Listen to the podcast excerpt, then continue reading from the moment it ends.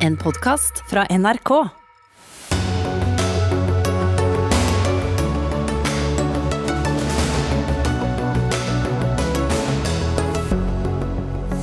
Overkjøre, overkjøre, overkjøre. Firerbanden Arbeiderpartiet, Senterpartiet, SV og Frp mener regjeringen gjør en for dårlig jobb med importsmitte av koronaviruset, og tvinger derfor gjennom nye tiltak, mens regjeringen hevder partiene sparker inn vidåpne dører.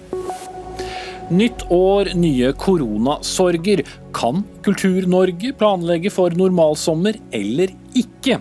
Abid Raja blir kalt for treig av Aps Anette Trettebergstuen. Trenger vi mellomledere? Nei da, de hører hjemme på museum, sier hodejeger. Og nei, vi trenger dem inn i evigheten, svarer kommentator. Og han ble skutt for sitt landsforræderi, men som tidligere forsvarsminister fra Bondepartiet får Vidkun Quislings portrett henge på veggen side om side med alle landets forsvarsministre.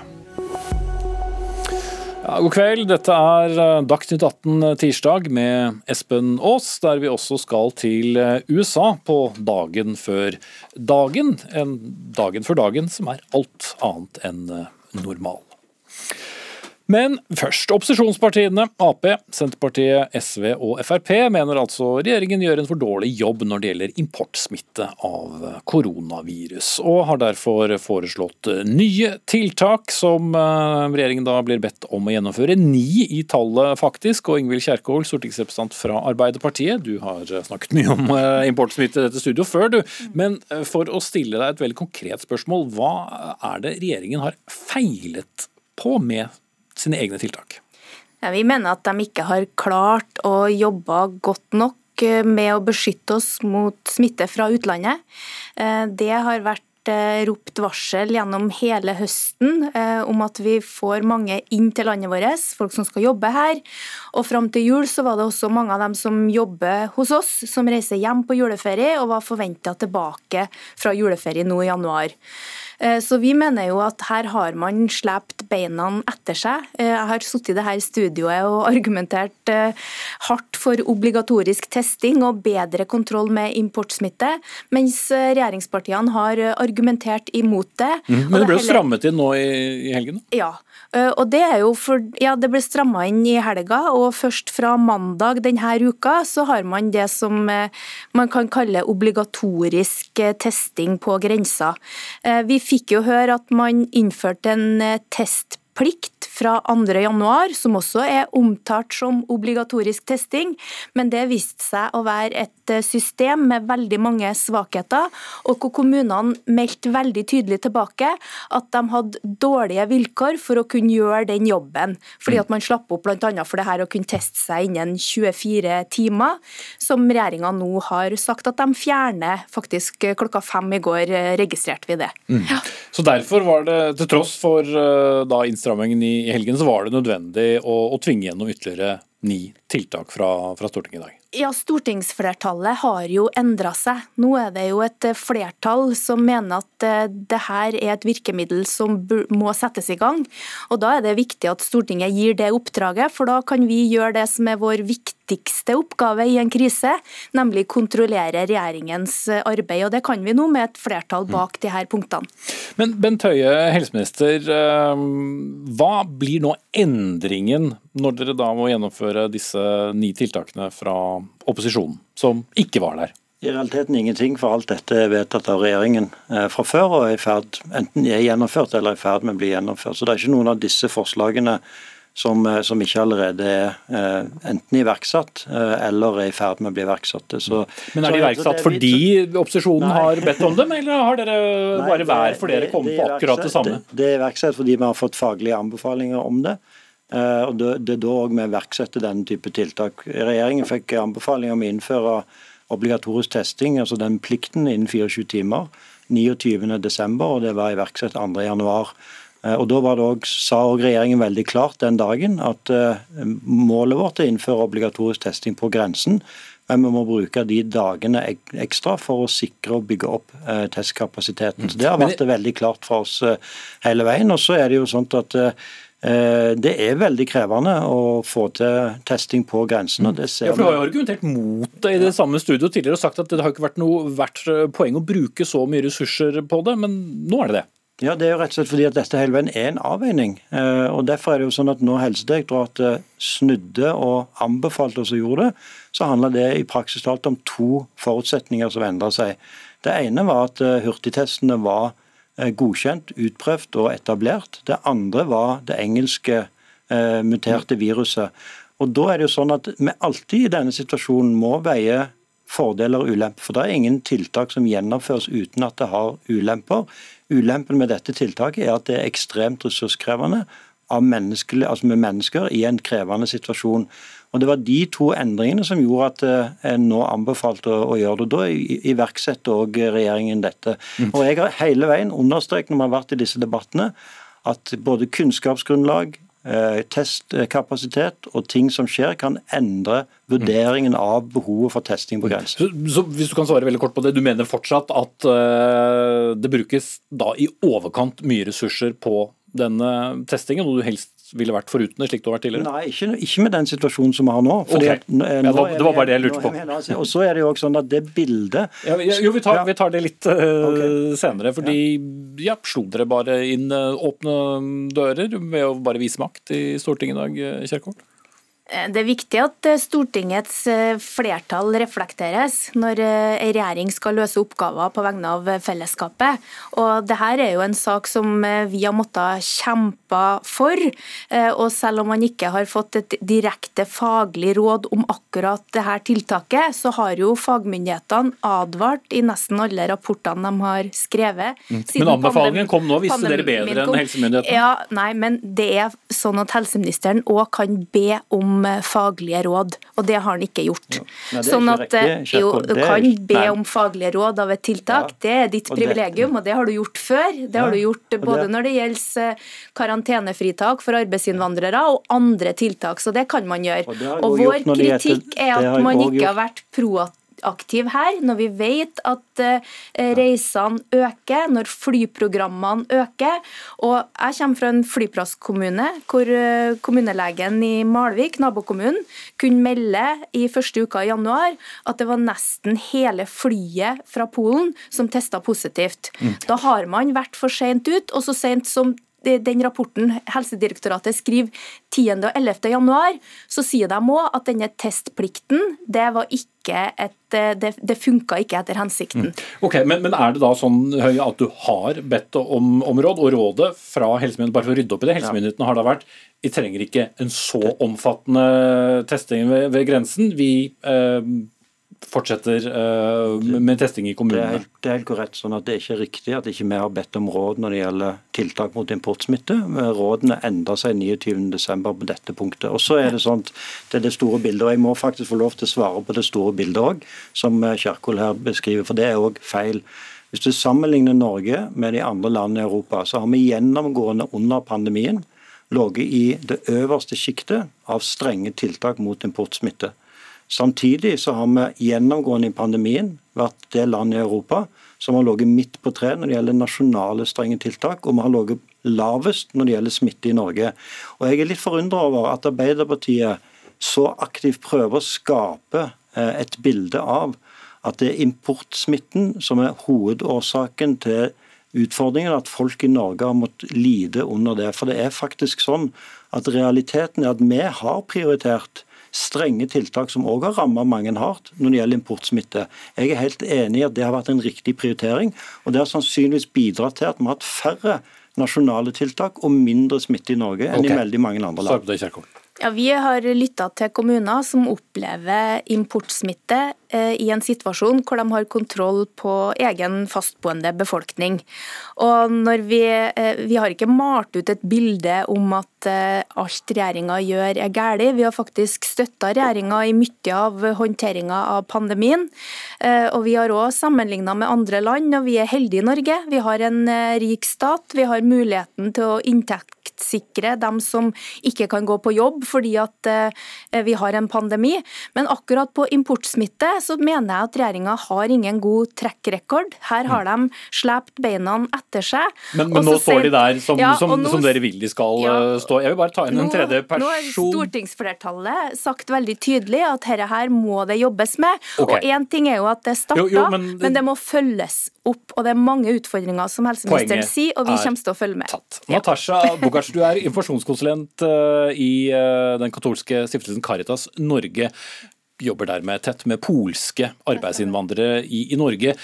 Du har reagert på ordbruken du, i debatten om importsmitte. Hvordan da? Ja. eh, Det, jeg er også polsk selv, så jobben min i Kartas er å tilby informasjon og rådgivning også på, på polsk til eh, de som ja, eh, strever med mange utfordringer, særlig med språket. Mm.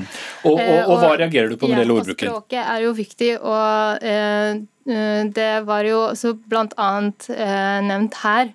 Eh, du brukte uttrykket 'fastboende befolkningen', og det er også det jeg reagerer på. fordi i denne debatten om eh, importsmitte så bruker man veldig ofte sånn begrep som gjestearbeidere på korttidsopphold, og eh, det skiller mellom fastboende og så polske arbeidere som er her bare midlertidig, de er ikke det. Det er jo bare en del av bildet, men eh, etter det jeg opplever og fra mitt arbeid med polakker i Norge, så savner jeg en stor del av bildet av uh, norske arbeidsinnvandringen 2021, eh, eh, nemlig de som bor her fast. De bor her fast. Eh, og de har familie i Polen.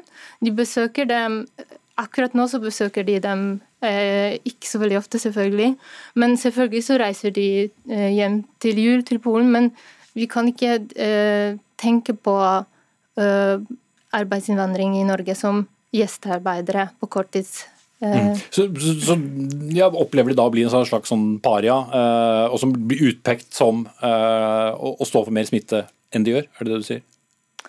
Eh, nei, men jeg, jeg, jeg mener at det, er, eh, det skaper jo Det har konsekvenser i, eh, i realiteten, som de sier at eh, Fordi da, lager, da har vi noen regler som eh, noen må forholde seg til. Og vi tenker at det er liksom, de er skapt for arbeidsinnvandrere. Men da ringer de meg og spør ja, jeg, har hørt om karantenehotell. Må jeg til karantenehotell? Og da må jeg si til han egentlig nei, fordi du bor her fast. Det spiller ingen rolle. Og skal rolle. ha i karantene i ditt eget hjem og må ikke eh, Med på hotell? mange andre arbeidsinnvandrere. De, man bor jo samlet. Så det er på en måte eh, sånn det ser ut i virkeligheten. Mm. Vil du s- eh, svare kort på det? jeg forstår veldig godt dette, og jeg synes at det er noe som vi må virkelig ta eh, på alvor. fordi det har vært sånn at eh, gjennom denne pandemien så er det ulike grupper som har fått skylden for smitten. Det har vært eh, nordmenn som har reist til Syden, det har vært ungdommer, det har vært studenter. Eh, Det var de som var på skiferie i Alpene. Og nå i det siste halvåret har ikke minst den polske befolkningen etter min oppfatning, fått altfor mye skyld. Og det ser vi på sosiale medier. Hets eh, som følge av dette, og det mener jeg er feil. Vi må være klar over at vårt samfunn er helt avhengig av mange eh, polske mennesker som bor i Norge, som jobber på sykehusene våre, som jobber i eh, offentlig sektor, som jobber i privat sektor, og at de ønsker å dra hjem til sin familie og feire jul. Det er like naturlig som en som bor i Oslo ønsker å reise til Nord-Norge til sin familie og feire jul. Og så er det mitt ansvar for at vi har gode systemer som gjør at, eh, at en da kan fange opp hvis det er smitte, at en går i karantene. Og Der har Norge hatt de strengeste reglene, og de har hatt store omkostninger for mange av de familiene som lever på tvers av landegrensene. Og Det er mange familier som lever på tvers av landegrensene. Og i den, Jeg skal bare stoppe deg der, eh, fordi tiden vår er for lengst over. Men jeg må bare stille deg et siste spørsmål. En annen ting som dere ble også instruerte av Stortinget om nå, er å oppheve denne skjenkestoppen. Som eh, statsminister Erna Solberg sammen med Espen Rostrup Nakstad i dette studio her i går sa eh, var galt, men nå, nå må dere gjennomføre det i mm, områder med mindre smitte. Altså oppheve skjenkeforbudet. Eh, Ja, vi må følge opp det Stortinget har vedtatt. Jeg mener det er for tidlig. Eh, Det er for høy risiko med dette tiltaket. og Det som dette innebærer, det er at Stortinget har nå prioritert å åpne for skjenking foran eventuelt andre lettelser. Regjeringen må jo kontinuerlig vurdere summen av tiltak. og det betyr at Når Stortinget nå sier at dette skal dere gjøre, så betyr det at når vi skal vurdere tiltakene igjen i neste uke, så det, kan det være andre tiltak for eksempel, som rammer barn og unge, som vi ikke kan lette på fordi Stortinget har vedtatt å prioritere dette. Det var Fremskrittspartiets forslag som, som fikk da støtte. Kommenterer det også Kjerkol til slutt? Det er jo viktig å presisere at det, eh, det her var et forslag fra Fremskrittspartiet som ikke opphever den nasjonale skjenkestoppen, men som sier at som man skal, ja, skal, tillate eh, i kommuner med lavt smittetrykk å kunne servere alkohol når man har matservering. Mm. Og jeg må si jeg reagerer på helseministeren som sier at her har Stortinget prioritert skjenking, og kanskje da må stille bak i køen på å lette andre tiltak. Den typen ris bak speilet, det tror jeg ikke biter på Stortinget. Vi har sørga for krisepakker og oppfølging av alle dem som er ramma av de strenge smitteverntiltakene. Okay. Der, der, må jeg faktisk eh, sette strek. Helseminister Bent Høie fra Høyre, Ingvild Kjerkol, stortingsrepresentant fra Arbeiderpartiet, og Natasha Bogarts, informasjonskonsulent i Caritas Norge. Takk skal dere ha. Men jeg skal ikke slippe for så vidt eh, tematikken eh, helt, for eh, dagen i dag det var første dag i Stortinget i 2021. Og vi så pressekonferanse fra opposisjonen i kveld, og et par overkjøringer fra opposisjonen da altså på årets første stortingsdag i dag. Og Siv Sandvik, politisk redaktør i Adresseavisen, med oss på linje. Med så mye eh, måling av krefter mot regjeringen som eh, vi nå har fått på, på kort tid, eh, ser vi også en valgkamp som smalt i gang idet vi tippet nytt år?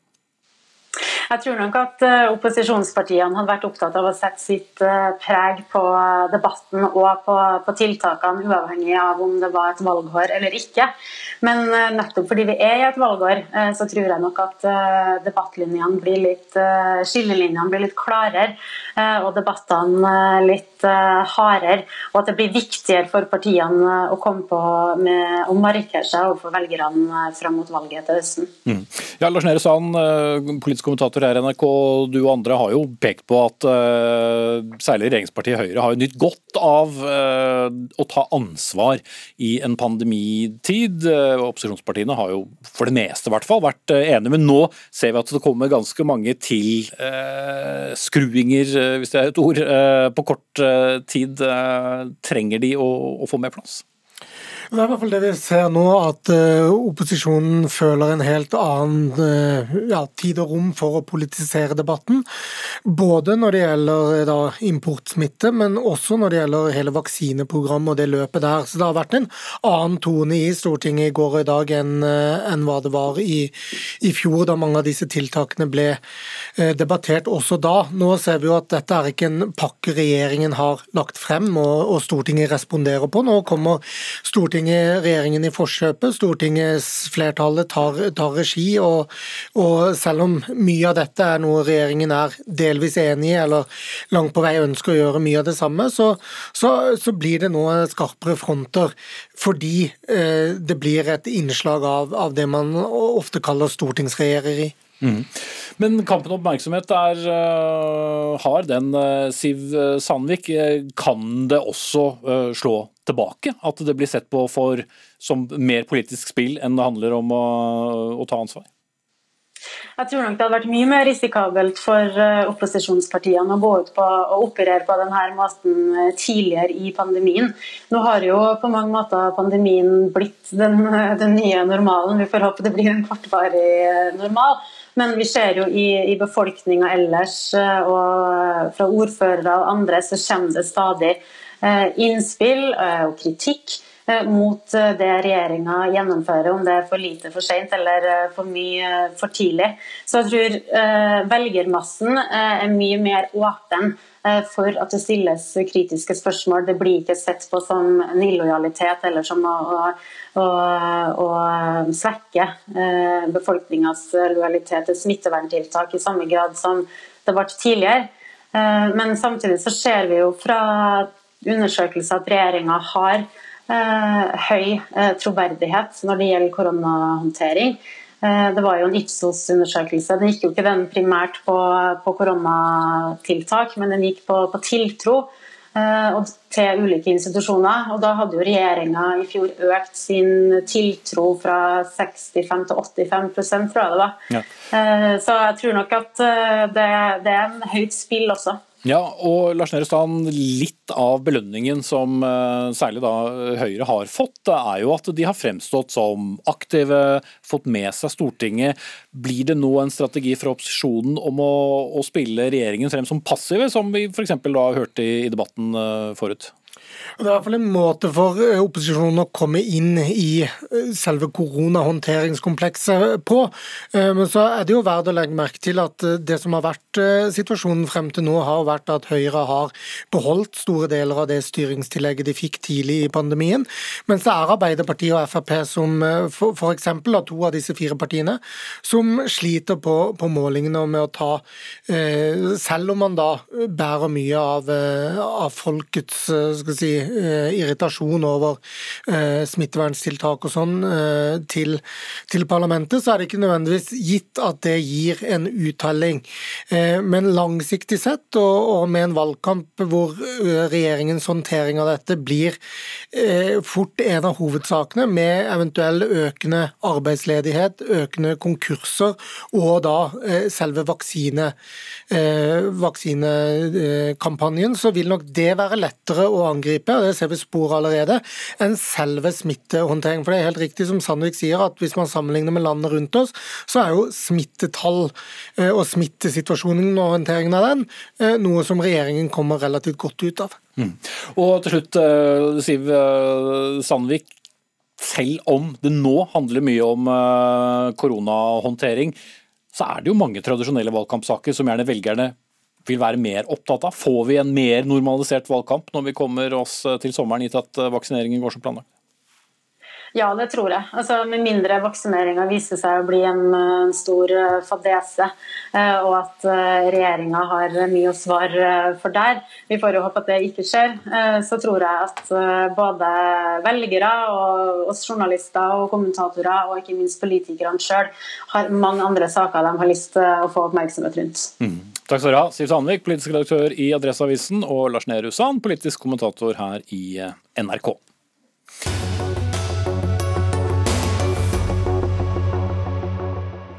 En eh, presidentinnsettelsesdag er ingen vanlig dag, men sjelden har en uvanlig dag vært så uvanlig som, år. Vi skal, eh, som i år. Vi skal snart til Washington, men vi skal suge litt på koronaproblematikken en liten stund til, for det er fortsatt mye usikkerhet i kulturlivet om hvorvidt de blir kompensert for tap av inntekter fremover. Et Kultur-Norge som jo ligger eh, langt på vei helt nede. For hvordan blir sommeren 2021? Kan vi ha arrangementer, eller kan vi ikke? I ettermiddag holdt kulturminister Abid Raja fra Venstre pressekonferanse om koronasituasjonen og tiltakene fremover. Han skal få slippe til snart. Men Anette Trettebergstuen, stortingsrepresentant og kulturpolitisk talsperson fra Arbeiderpartiet, dere har jo kritisert Raja i flere omganger for manglende forutsigbarhet. Er det rettet opp nå? Nei, det er det ikke. Eh, det Raja har kommet med i dag, det er egentlig gammelt nytt. Allerede i statsbudsjettet i oktober så ble det sagt at det skulle komme en stimuleringsordning for vårhalvåret og en kompensasjonsordning for vårhalvåret. Eh, og det at det fortsatt ikke i dag er helt sikkert hvordan det skal se ut. Det overrasker meg, for man har hatt tid til å jobbe her. Problemet Men vet vi så mye hvordan sommeren ser ut, noen av oss da? Nei, men problemet her sant, er jo at kulturministeren oppfører seg som om koronakrisa er akutt for kulturlivet. Men vi har hatt den i et år og ligger konstant bakpå. Eh, bransjen vet ikke hva de har å forholde seg til for denne måneden, og man vet ikke hva man har å forholde seg til for sommeren. Eh, og Det at ordningene ennå ikke er på plass, det gjør at veldig mange ikke vet om de skal planlegge eller eh, igangsette aktivitet eller avlyse. Ok, og, da, ja, da tror jeg vi skal la Abiraja, som, som, sitter og snøfter i andre enden av mikrofonen her i, i studio sammen med meg, få, få svare på det. Hvorfor tar det så lang tid å, å få på plass den ordningen? For du vet at mange venter på den? Jeg mener jo at altså, I dag er det dag 19. januar, eh, og det var jo i går statsministeren varslet at vi åpner nå litt opp igjen. For det har vært stengt helt frem til nå, fra nyåret. Altså Det Trettenbergstuen sier, det har vi jo hørt gjennom hele fjoråret. Faktum er at eh, det er den borgerlige regjeringa med Venstre med i, som har stilt opp på romsligst vis for kulturbransjen gjennom hele krisen. Vi er nå oppe i 8 milliarder kroner. Har du opplevd og, at de er fornøyd? Ja, vet du, jeg er daglig i kontakt med kulturbransjen. Det har også mitt departement, hele Kulturdepartementet og Kulturrådet det. Og vi lager disse ordningene sammen med aktørene. Mm. Og så blir det nødvendig å endre disse fordi at ting endrer seg. F.eks. i dag så har jo i dag har vi åpnet opp for at kommunene har, kulturaktørene har anledning til å ha arrangementer. Forutsatt det, Forutsetningen er at det er kun publikum i den enkelte kommune som drar på arrangementer i sin kommune. Mm. Altså, og, og Bergen, Bergensere kan dra på kulturarrangementer i Bergen. Trøndere kan dra altså, det er Trøndere er jo et større begrep, men de som bor i, I Trondheim, Trondheim, kan, dra på arrangementer i Trondheim okay. osv. Og da stimulerer vi for det. Og da er jo antallsbegrensninga ligger fremdeles fast. Det er 200 i fastmonterte seter og 10 ellers hvor det ikke er fastmonterte seter. Og så stimulerer vi til det. slik at det er mulig å mm. gjennomføre dette. men hvis vi, ikke kan, jo, ja. hvis vi ikke kan gjennomføre det, f.eks. hvis uh, smittesituasjonen endrer seg raskt, som den kan, ikke minst i mm. Trondheim, mm. som vi, vi husker fra, fra historikken, hva skjer da? Ja, og Da hadde vi en kompensasjonsordning for aktørene helt frem til 1.1. Den er jo utløpt, og jeg har varslet i dag at vi jobber nå for å få den på plass. Den kommer til å bli datert bakover i tid, fra 1.1 og gjelde, slik vi har gjort hele veien. Og Noe av det er jo fordi at vi har noe som heter statsstøttereglementet, eh, og det er ESA må jo godkjenne enkelte av disse tingene. Og eh, Vi hadde foreslått en ordning for de, men de syntes at det var utafor statsstøttereglementet, så vi går opp en ny runde for å se hva det er vi kan få til. Men jeg tror kulturbransjen skylden ligger hos ESA? Nei, nei, nei, det vil jeg ikke gjøre. Jeg vil ikke si. Men jeg kan si en ting, og det er at kulturbransjen har lagt merke til hva jeg sa gjennom hele 2020. Vi skal gjøre nødvendige justeringer, vi skal gjøre endringer, vi skal forlenge hvor det er nødvendig. Og jeg tror kulturbransjen skal fortsette å stole på at denne regjeringa kommer til å fortsette å stille opp for kulturbransjen slik vi har gjort gjennom hele 2020, også i 2021. Ok, men uh, Trettebergstuen, uh, noe sier meg at uh, du deltar ikke på de linjene?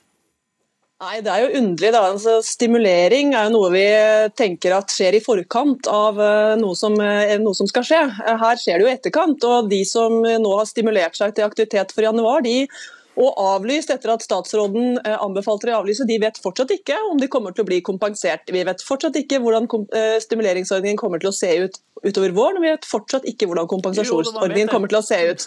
Nei, og, nei man gjør ikke det. Men, men, men, nei, den er ikke, den er ikke iverksatt. Akkurat nå gjelder ingen altså, jeg, ja, men kjære deg. Jo, men jeg tror jeg kjenner mine ordninger bedre enn deg, Trettebergstuen. La, la, la, meg, la meg være programleder, da, og så prøver vi hvordan det fungerer. Trettebergstuen, hva konkret er det Raja burde eh, sagt da om den kompensasjonsordningen som skal komme med tilbakevirkende kraft? For det første så burde han ha garantert de som nå har avlyst etter hans eh, oppfordring, selv om det var eh, lovlig å ha arrangementer, eh, garantert de kompensasjon for de tapte utgiftene de har hatt. Han burde garantert en kompensasjonsordning og en stimuleringsordning som fortsetter lenger enn til juni. Festivalsommeren begynner jo etter juni. Eh, men for å se framover, så burde han allerede nå ha et svar til festivalene på hvordan staten skal stille opp, slik at festivalsommeren kan eh, skje innenfor ulike scenarioer. Mm. Danmark har gjort det, Sverige har gjort det, men her kommer altså ikke festivalarrangørene i kontakt med statsråden engang, og det er altfor passivt. Vi håper du hører på Dagsnytt 18 og eh, ber deg nå svare, for det er jo festivalsommeren som er den store inntektssiden. Men programleder, altså vi er i daglig kontakt med kulturbransjen, så det Trettebergstuen sier er jo helt feil. Men du snakker jo ikke med hver enkelt arrangør gjennom gjennom dagen? Vi, vi snakker med ganske mange gjennom, gjennom, uka. Det gjør også Kulturdepartementet. Jeg tror kulturbransjen er kloke. De vet at det er Kulturdepartementet som sitter med altså, virkemiddelapparatene. Så når det gjelder Danmark, så må vi huske på at altså, Danmark jo, jo, men La oss snakke om Norge på den tiden vi har inn. Altså, hva er det du har altså, Hva er det kulturbransjen mm. vet de, de har i vente, dersom ikke det blir en eh, festivalsommer? For det er det Trettebergstuen etterlyser. Ja, altså, akkurat nå, for de første seks månedene, så har vi en milliard kroner som vi skal bruke for å stimulere til aktivitet. I forkant, ikke i etterkant. Som, mm. som men, men festivalsommeren starter jo etter. Når det gjelder festivalsommeren, så har jeg sagt én ting. og det har jo sagt at Jeg har garantert at så lenge vi har en koronakrise, så vil regjeringa stille opp. Men for å si det litt sånn 19. januar, sitte her og si hvordan 19. juli kommer til å se ut. Altså, fe, altså vi, jo, vi ville, altså Julaften så var det ingen som kunne spå hva som kunne skje 4. 4. januar. Så jeg tror det vi kan si er at straks helsemyndighetene har gitt oss sin beste faglige anbefaling på dette, så vil regjeringa komme tilbake og fortelle kulturbransjen. Dette er antallsbegrensninger som kan, vi kan se for oss i sommer. Okay. Det jeg ønsker som kulturminister, er at vi skal få mest mulig normal festivalsommer. Og hvis det blir det, så skal jeg sørge for så hører ikke Trettebergstuen, men jeg gjør det. Så skal jeg sørge for at vi skal, så skal jeg sørge for, altså, Hvis det blir en normal kultursommer, så skal vi i regjeringa sørge for at vi stimulerer også festivalsommer. Det skal kulturbransjen føle seg trygg på. Trettebergstuen, kort til slutt. Det er ingen som, ingen som krever at kulturministeren skal spå smittesituasjonen til sommeren, men nettopp fordi at vi ikke aner hvordan smittesituasjonen til sommeren kommer til å se ut, så er det så viktig at man nå legger eh, planer knyttet til ulike scenarioer. Nei, nei, dere gjør jo, jo ikke det. det. Kultur... Ikke avbryt meg når det er jeg som snakker. jeg tror jeg vet hva slags planer vi legger, Trettenbergstuen. Kan jeg få snakke? Festivalarrangørene er kjempefortvila. Vi kommer ikke i kontakt med det. Det burde vært en plan nå, slik at festivalene kan begynne å planlegge altså, og arrangere ting. Det var et møte i departementet altså siste okay. uke med kulturarrangøren og med festivalarrangørene, så, så, dette her er jo ikke riktig. Så Trettebergstuen, vi er jo daglig i kontakt med dem. Takk for det. Kulturminister fra Venstre og stortingsrepresentant eh, Anette Trettebergstuen fra Arbeiderpartiet.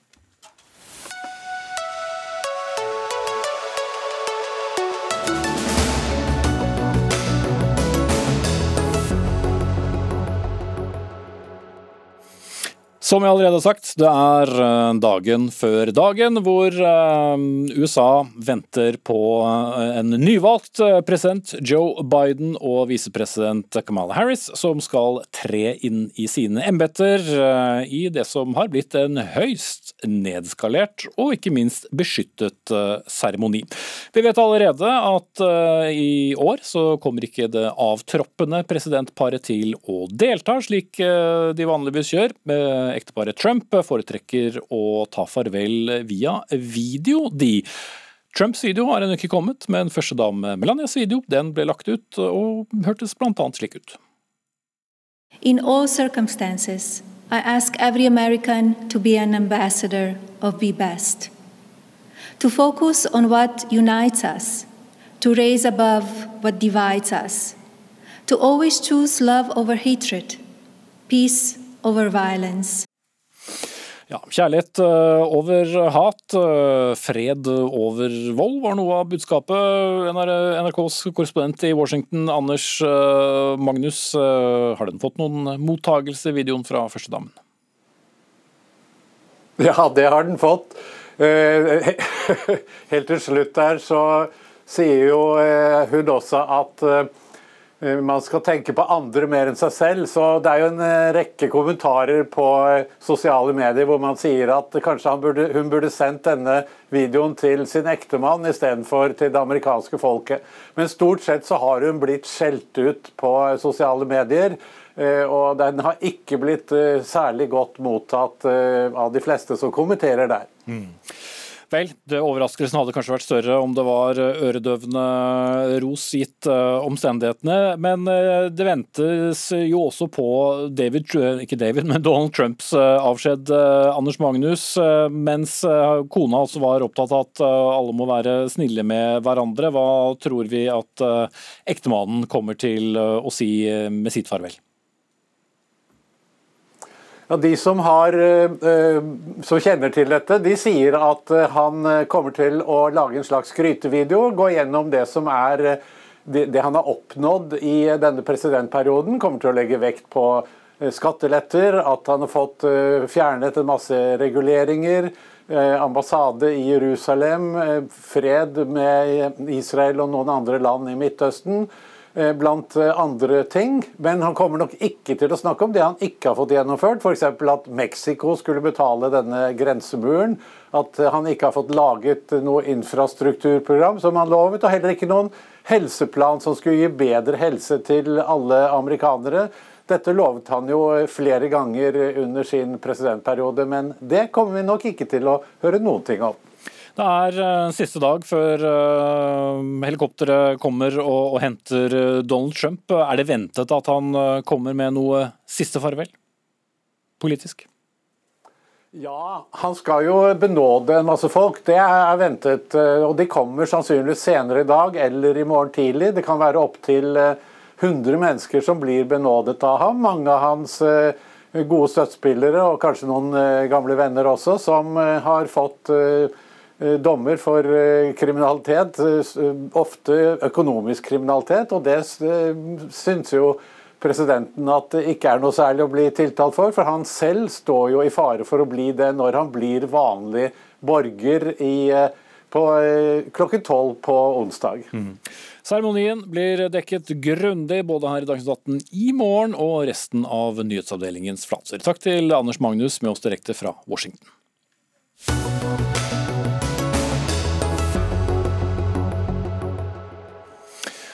Når eh, smilte du til en mellomleder sist? Ja, Denne yrkesgruppen som er eh, klemt inn et sted mellom øverste ledelse og de ansatte, er neste tema i Dagsnytt 18. Eh, Onde tunger liker jo gjerne å hevde at det er en yrkesgruppe som stadig øker i antall, men mellomledere de høres, hører mest hjemme på museum, skriver du i en kronikk i Dagens Næringsliv. Trine Larsen, du er rekrutteringsrådgiver og partner i Hammer og Hamborg. Hvorfor trenger vi ikke mellomlederne lenger?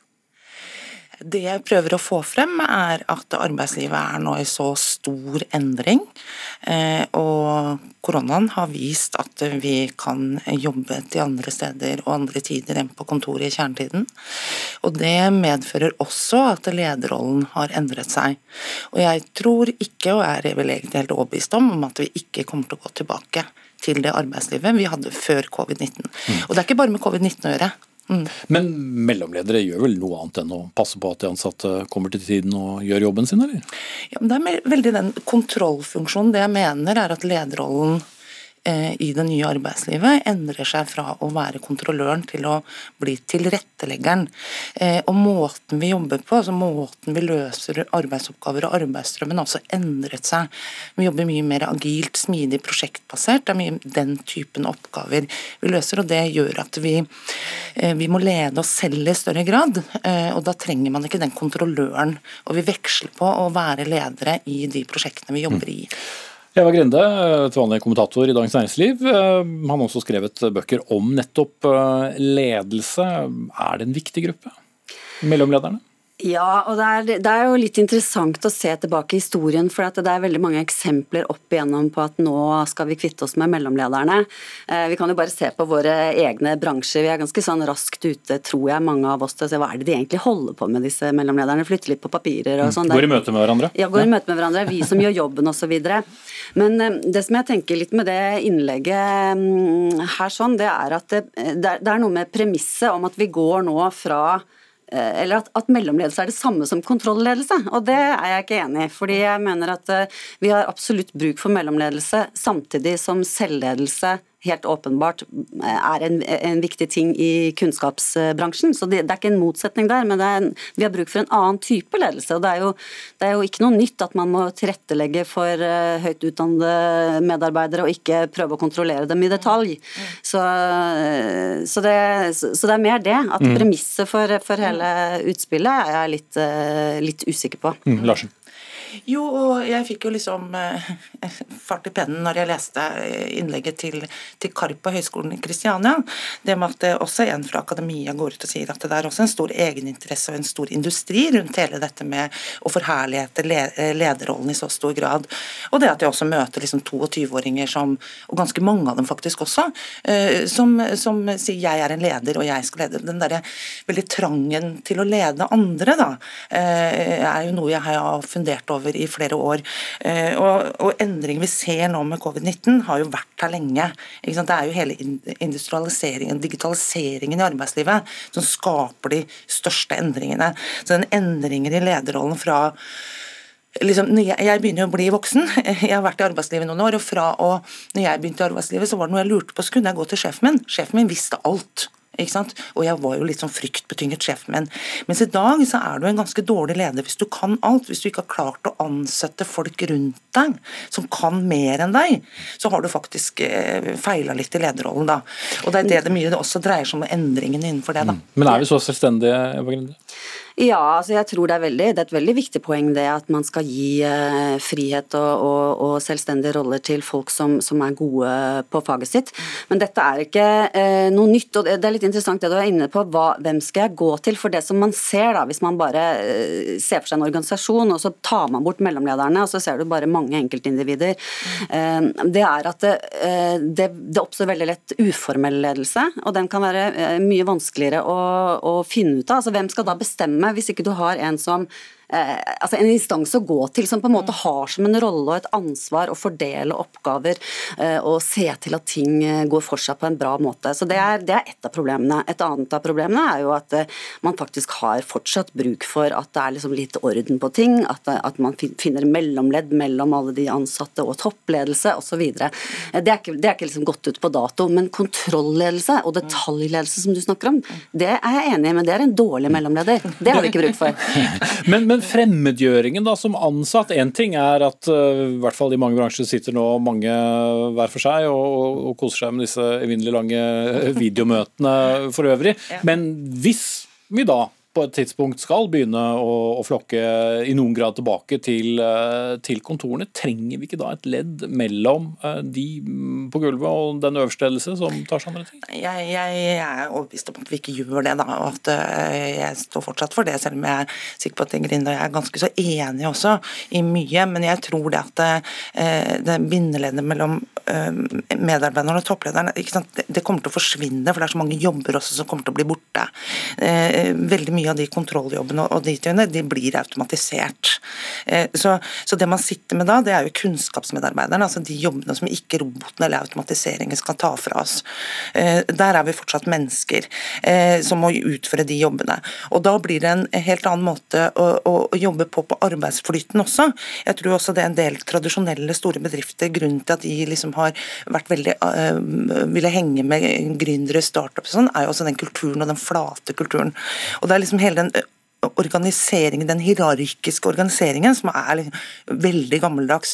Mens vi nå ser helt andre nettverksorganisasjoner og andre okay. måter å jobbe på. Mm, ja, Dette har vært en veldig sånn populær historie med arbeidslivet egentlig i flere tiår nå. og ikke minst Først med dotcom-bølgen og så med Silicon Valley som en sånn forbilde i verden. At det er, det er liksom den topp, nye, moderne måten å gjøre ting på. Men jeg er ikke enig i at, at koronakrisen har vist at vi ikke trenger mellomledere. De, de må jobbe på en annen måte. Man sitter sitter eh, hver for seg, men det er jo ikke noe mindre ansvar å følge opp den enkelte. Altså de, de, aller fleste arbeidstakere, selv uansett hvor kunnskapsrike de er, de ønsker å bli sett. De ønsker å bli satt i en sammenheng og, og ha, ja, ha, et fellesskap. Mm. Sett strek der, ja. Eva Grinde, kommentator i Dagens Næringsliv, og Trine Larsen, partner hos Hammer og Hamborg. Og som jeg selv sa om mellomledere en gang, har, de, har det gått bra, så er det de ansattes fortjeneste. Har det gått galt, så er det vel din skyld.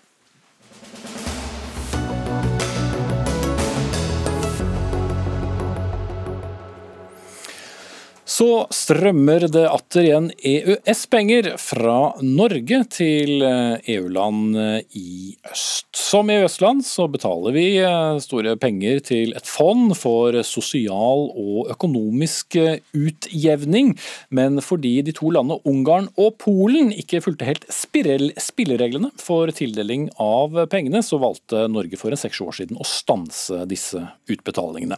Nå inngås nye avtaler, men før før vi kommer til eh, det, la oss eh, ta et lite skritt eh, tilbake. Eirik Holmøyvik, professor ved juridisk fakultet ved Universitetet i Bergen. Hva var det som skjedde da Norge knøt igjen pengesekken? Det var et veldig tydelig signal til hele Europa om at det er ikke akseptabelt å bryte spillereglene, i dette tilfellet et grunnleggende krav til rettsstaten i, i disse landene. Og eh, Det som skjedde den gangen vi strupte pengesekken, var jo også at vi fikk kontroll med at disse midlene gikk til de sivilsamfunnsorganisasjonene som faktisk bidrar til å, å styrke og utvikle demokrati og rettsstaten i disse landene, mm. og ikke til eh, organisasjoner håndplukka av styresmaktene, som har gjerne det stikk motsatte. Mm. Ja, bare, bare for å være helt uh, konkret, Holmevik, Hva var det Polen og Ungarn gjorde som uh, gjorde at Norge fikk nok? De ville gjerne ha kontroll på styringa av disse midlene. Altså hvem som kunne få, eh, hvilke organisasjoner som fikk tildelt midlene. Altså selve tildelinga av midlene. Og Det var ikke akseptabelt for, eh, for Norge. Mm. Eh, det var da regjeringen du, ditt parti tilhører, Michael Tetzschner, altså høyreregjeringen, som, som, strupet igjen eh, denne pengesekken. Men som, på et overordnet nivå, er det, er det, god pengebruk at vi skal betale ut milliarder av kroner til land som eh, ja, har, har, meninger om uh, hvordan disse pengene skal brukes, som ikke harmonerer med det vi har ment. Ja, la meg først si at Jeg, jeg, deler jo Holmøyviks uh, ønske om at vi med våre midler kan, kan bidra bevisst til å påskjønne en riktig og bedre utvikling, særlig Polen og Ungarn, men også andre land vi har ytet penger til. Det å yte EØS-midler det er viktig også for norske eh, kommersielle interesser, for det er en del av det å være med i det indre marked. Og Til å begynne med så gikk en del av disse midlene til å bygge opp eh, institusjonelle ordninger som gjorde at de nye EU-landene også kunne da, ta del i det indre markedet, til glede for norsk eksportindustri f.eks. Mm. Og så må jeg si til Holmevik at uh, det er ikke med begrunnelsen den generelle rettsstatsutviklingen uh, at man strupet uh, midlene for noen år siden. Det var nettopp det at mottakerlandene ikke innordnet seg den organiseringen som vi hadde forutsatt. Og Det er det sporet vi skal gå videre i. Vi skal sette betingelser. Dette skal ikke være støtte til partier som skal vi si, nedbygge rettsstaten. Heller ikke eh, støtte til landenes budsjettpolitikk som sådan, men være omforente prosjekter. Mm -hmm. Hva slags kontroll har vi eh, på det, eller ender vi opp fort i den situasjonen eh, vi da var for seks år siden? Da er vi i samme situasjon som EU, som gir ca. på overføringssiden 100 ganger så mye som Norge.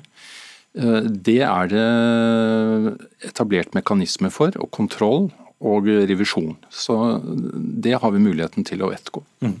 Torgeir Knag Fylkesnes eh, fra SV, medlem av Stortingets næringskomité. Er det ikke velkomment å, å få på plass eh, eh regimer i, eller styresett i andre land som, som, harmonerer med hvordan EU og for så vidt også Norge ser på at det bør være?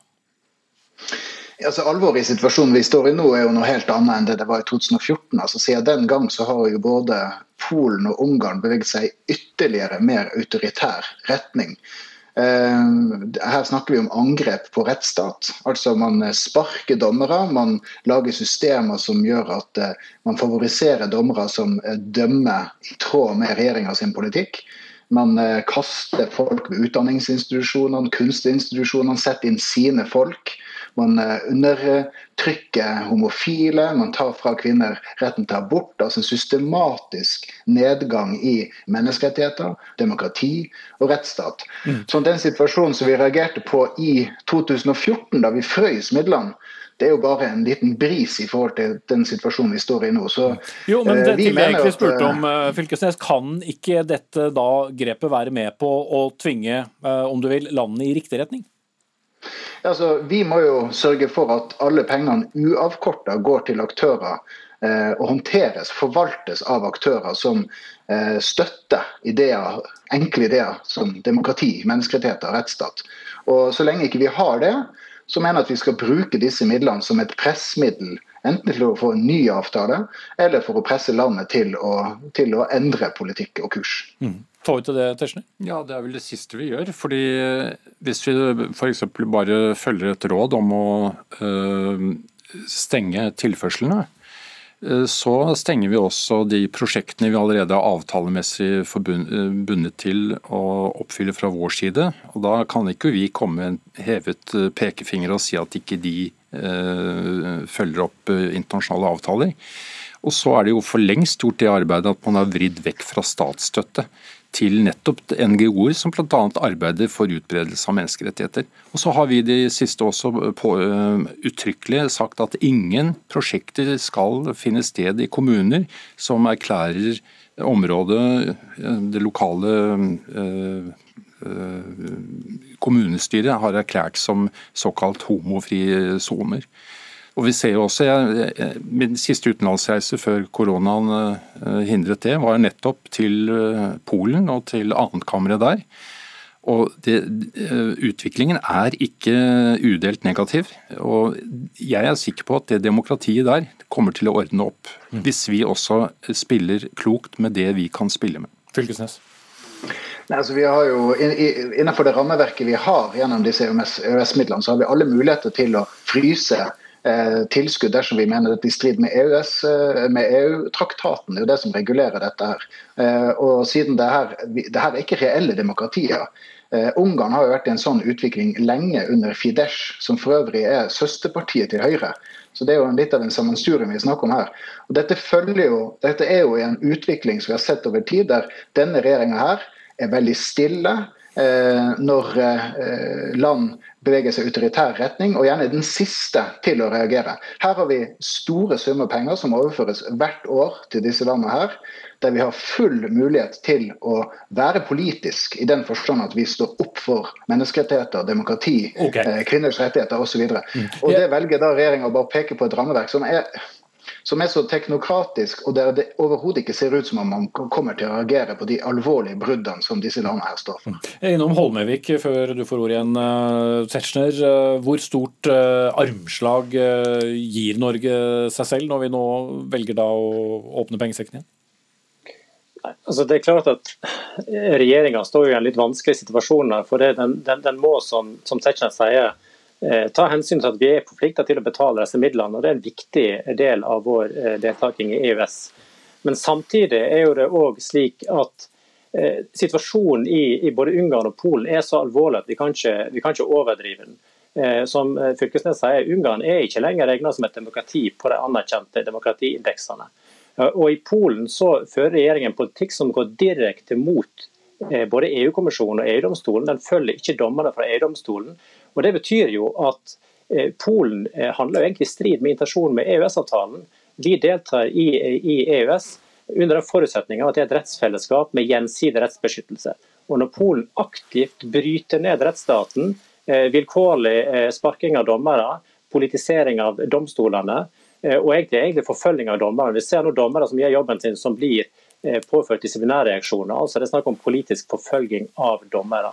Og Da kan vi spørre, er vi egentlig forpliktet til å betale til et land som helt åpenbart, og også etter EU-konvensjonens eget syn, bryter med grunnverdiene i EU og dermed også EØS-samarbeidet. Men Er da ditt svar Tersner, at disse pengene går da utenom uh, disse regjeringene, ja, det... og, og, og, slik sett ikke vil skape uh, et problem? Ja, det er jo det vi må gjøre. Vi må, og Man må skille nettopp hva er stat og hva er NGO-er, altså ikke-statlige ikke organisasjoner. Og så må vi jo passe på at pengene brukes mest mulig effektivt nettopp for å fremme de gode formålene som eh, Holmøyvik eh, og Knag Fylkesnes antagelig også, og jeg er enig i. Men det er jo helt uriktig når Knag Fylkesnes utroper Fides til å være søsterpartiet av Høyre. Det har de ikke vært med på å stemme for at de ble ekskludert. Okay det gode selskap. En liten uh, sidediskusjon som vi lar ligge. Takk til Michael Tetzschner, medlem av Stortingets utenriks- og forsvarskomité fra Høyre, Torgeir Gnag Knag Fylkesnes, medlem av Stortingets næringskomité for SV, og Erik Holmøyvik, professor ved juridisk fakultet ved Universitetet i Bergen.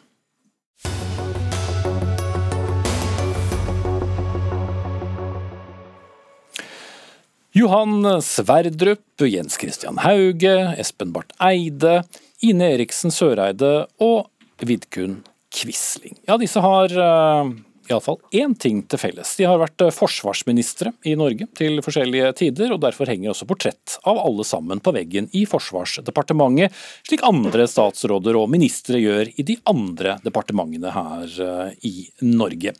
Men som Aftenposten har skrevet om denne uken, Quisling, som jo altså var forsvarsminister for Bondepartiet i nesten to år, fra 1931 til 1933, er jo også landsforræderen som ga sitt navn til nettopp forræderi. Han var Hitlers mann i Norge fra 1940 til 45, og skal han da henge side om side med de andre forsvarsministrene som har vært opptatt av å forsvare landet. Ja, Dette har skapt debatt. En av dem som har ment at bildet bør fjernes slik det henger i dag, er deg, Ervin Kohn, forstander i Det mosaiske trossamfunn i Norge og andre nestleder i Antirasistisk Senter. Hvorfor bør det fjernes? Jeg har vel ikke ment at det bør fjernes, men den bør ikke fremstå helt likt som alle de andre forsvarsministrene før og etter. Så man kan f.eks. snu bildet, eller fjerne selve bildet, eller lage bildet veldig lite. Men i hvert fall så, så bør det komme mer informasjon. Altså, jeg vil alt annet enn historierevisjonisme. Jeg vil mer informasjon, og på det bildet i dag så henger det i glass og ramme akkurat sånn som alle andre forsvarsministre. Og det eneste som står på plaketten under, det er 1931 til 33. Mm. Og det er for lite informasjon til at man blir klokere av det. Men det henger jo først og fremst inne i et departement som ja. de færreste av oss egentlig har, har, adgang. Sender det da egentlig noe signal? Nei, nei det, men det er en del utenlandske gjester. Da. Dette henger utenfor kontoret til forsvarsministeren. Og det er en del utenlandske gjester som har reagert over at han er der. fordi at uh, Quisling ble jo ikke først og fremst kjent, eller er ikke i dag først og fremst kjent som verken forsvarsminister eller, eller medarbeider til, til, Nansen. Han har først og fremst skrevet seg inn i historien pga. Krigen. Og, og sånn sett så bør han, bør han fremstå som, eller, ja, som den litt annerledes eh, personen han var. Mm. Dette er jo et av mange navn som har kommet opp i en litt større debatt om, om hvem som bør stå utstilt eller ikke. Professor i biologi ved Universitetet i Oslo, Christian Gundersen, du har også deg inn i, i, denne debatten, men din konklusjon er Quisling må, må få henge der han henger? Ja, jeg syns det er riktig, riktig, å gjøre det. og Hvis du først begynner liksom å, å, å, rote med det, så blir det fort vanskelig. Eh, hva med Hundseid? Han var statsminister, og han ble også dømt for Landsvik, mm. store mm. Jens eh, Hundseid, som da var statsminister i, under, eller i den perioden over Quisling, ja, og, og, var jo faktisk en modererende kraft i forhold til Quisling i den perioden. Men, men han, ble, han, han, ble, også da dømt etter krigen for Landsvik, og, og med fengsel, ubetinget fengsel, jeg tror det var ti år. Ja. Og, så det, ikke sant? Han skal vi ha, han også. Eh, jeg syns at det er greiere å bare si at dette er et, eh, et historisk galleri. og jeg, jeg, kan jo ikke la være å se på dette som en del av denne cancel culture-tenkningen. at eh, hvis vi liksom kan ta bort bildene, så tar vi bort et eller annet altså Det er sånn som de drev med det gamle Egypt, og, og slo nesen av den gamle faraoen, statuen av den gamle faraoen fordi at ellers så kunne farao, den avdøde faraoens eh, ånd fortsette å puste og plage den nye faraoen og den type ting. Og Det er nesten en form for overtro.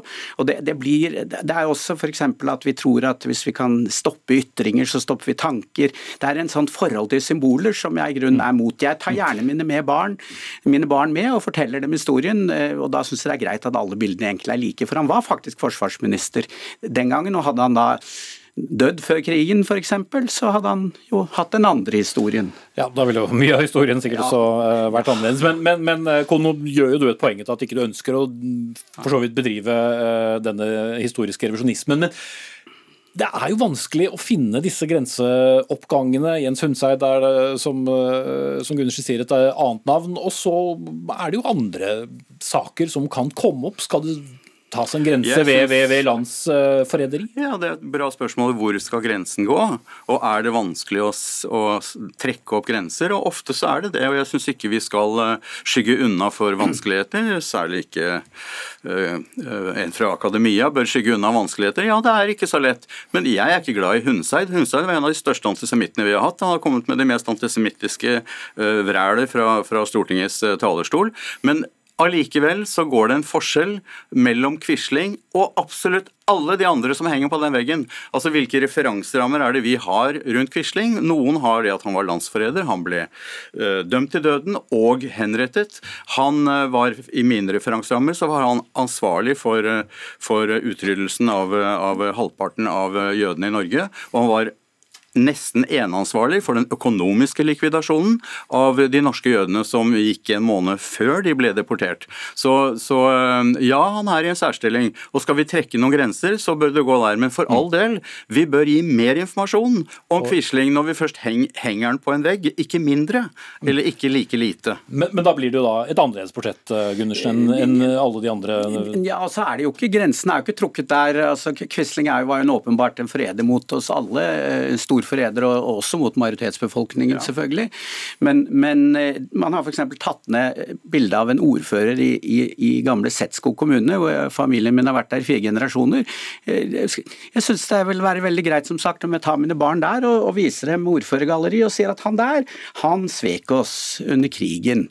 Eh, og, jeg, det er noe med hele tenkningen rundt det jeg syns blir feil. Og så blir det tar du den, så tar du den. Nå har vi hatt diskusjoner om parkbenker f.eks. Og det er jo også mye uvitenhet i det, og aksjonisme i det. Altså Len, eh, Lenin, sier jeg, Linné, var ikke eh, rasist. Mm. Jo da, Vi trenger ikke ta den diskusjonen, men uh, veldig kort til slutt, Gundersen. Altså, grensen kan dras ved landssvikeren Quisling, og så stanser vi der, som Kohn sier. Jeg synes det er enkelt. Ja, skal vi ta én mann, da? Ja. Det er ikke én mann. Ja, én mann. Vi har ikke henrettet flere. Mm. Jeg, jeg, jo, da har vi henrettet mange flere. Jo da, men ikke som var, ikke som som var statsråder. Ingen i Forsvarsdepartementet vet forresten når bildet ble hengt opp, men dagens forsvarsminister Frank Bakke-Jensen fra Høyre har i hvert fall tidligere uttalt at det er uaktuelt å fjerne bildet. Anne Katrine Førli var ansvarlig for dagens eh, sending. Lisbeth Sellereite tok seg av det tekniske. Jeg heter Espen Aas. Det er Dagsnytt 18 igjen i morgen, da preget av eh, skiftet i USA.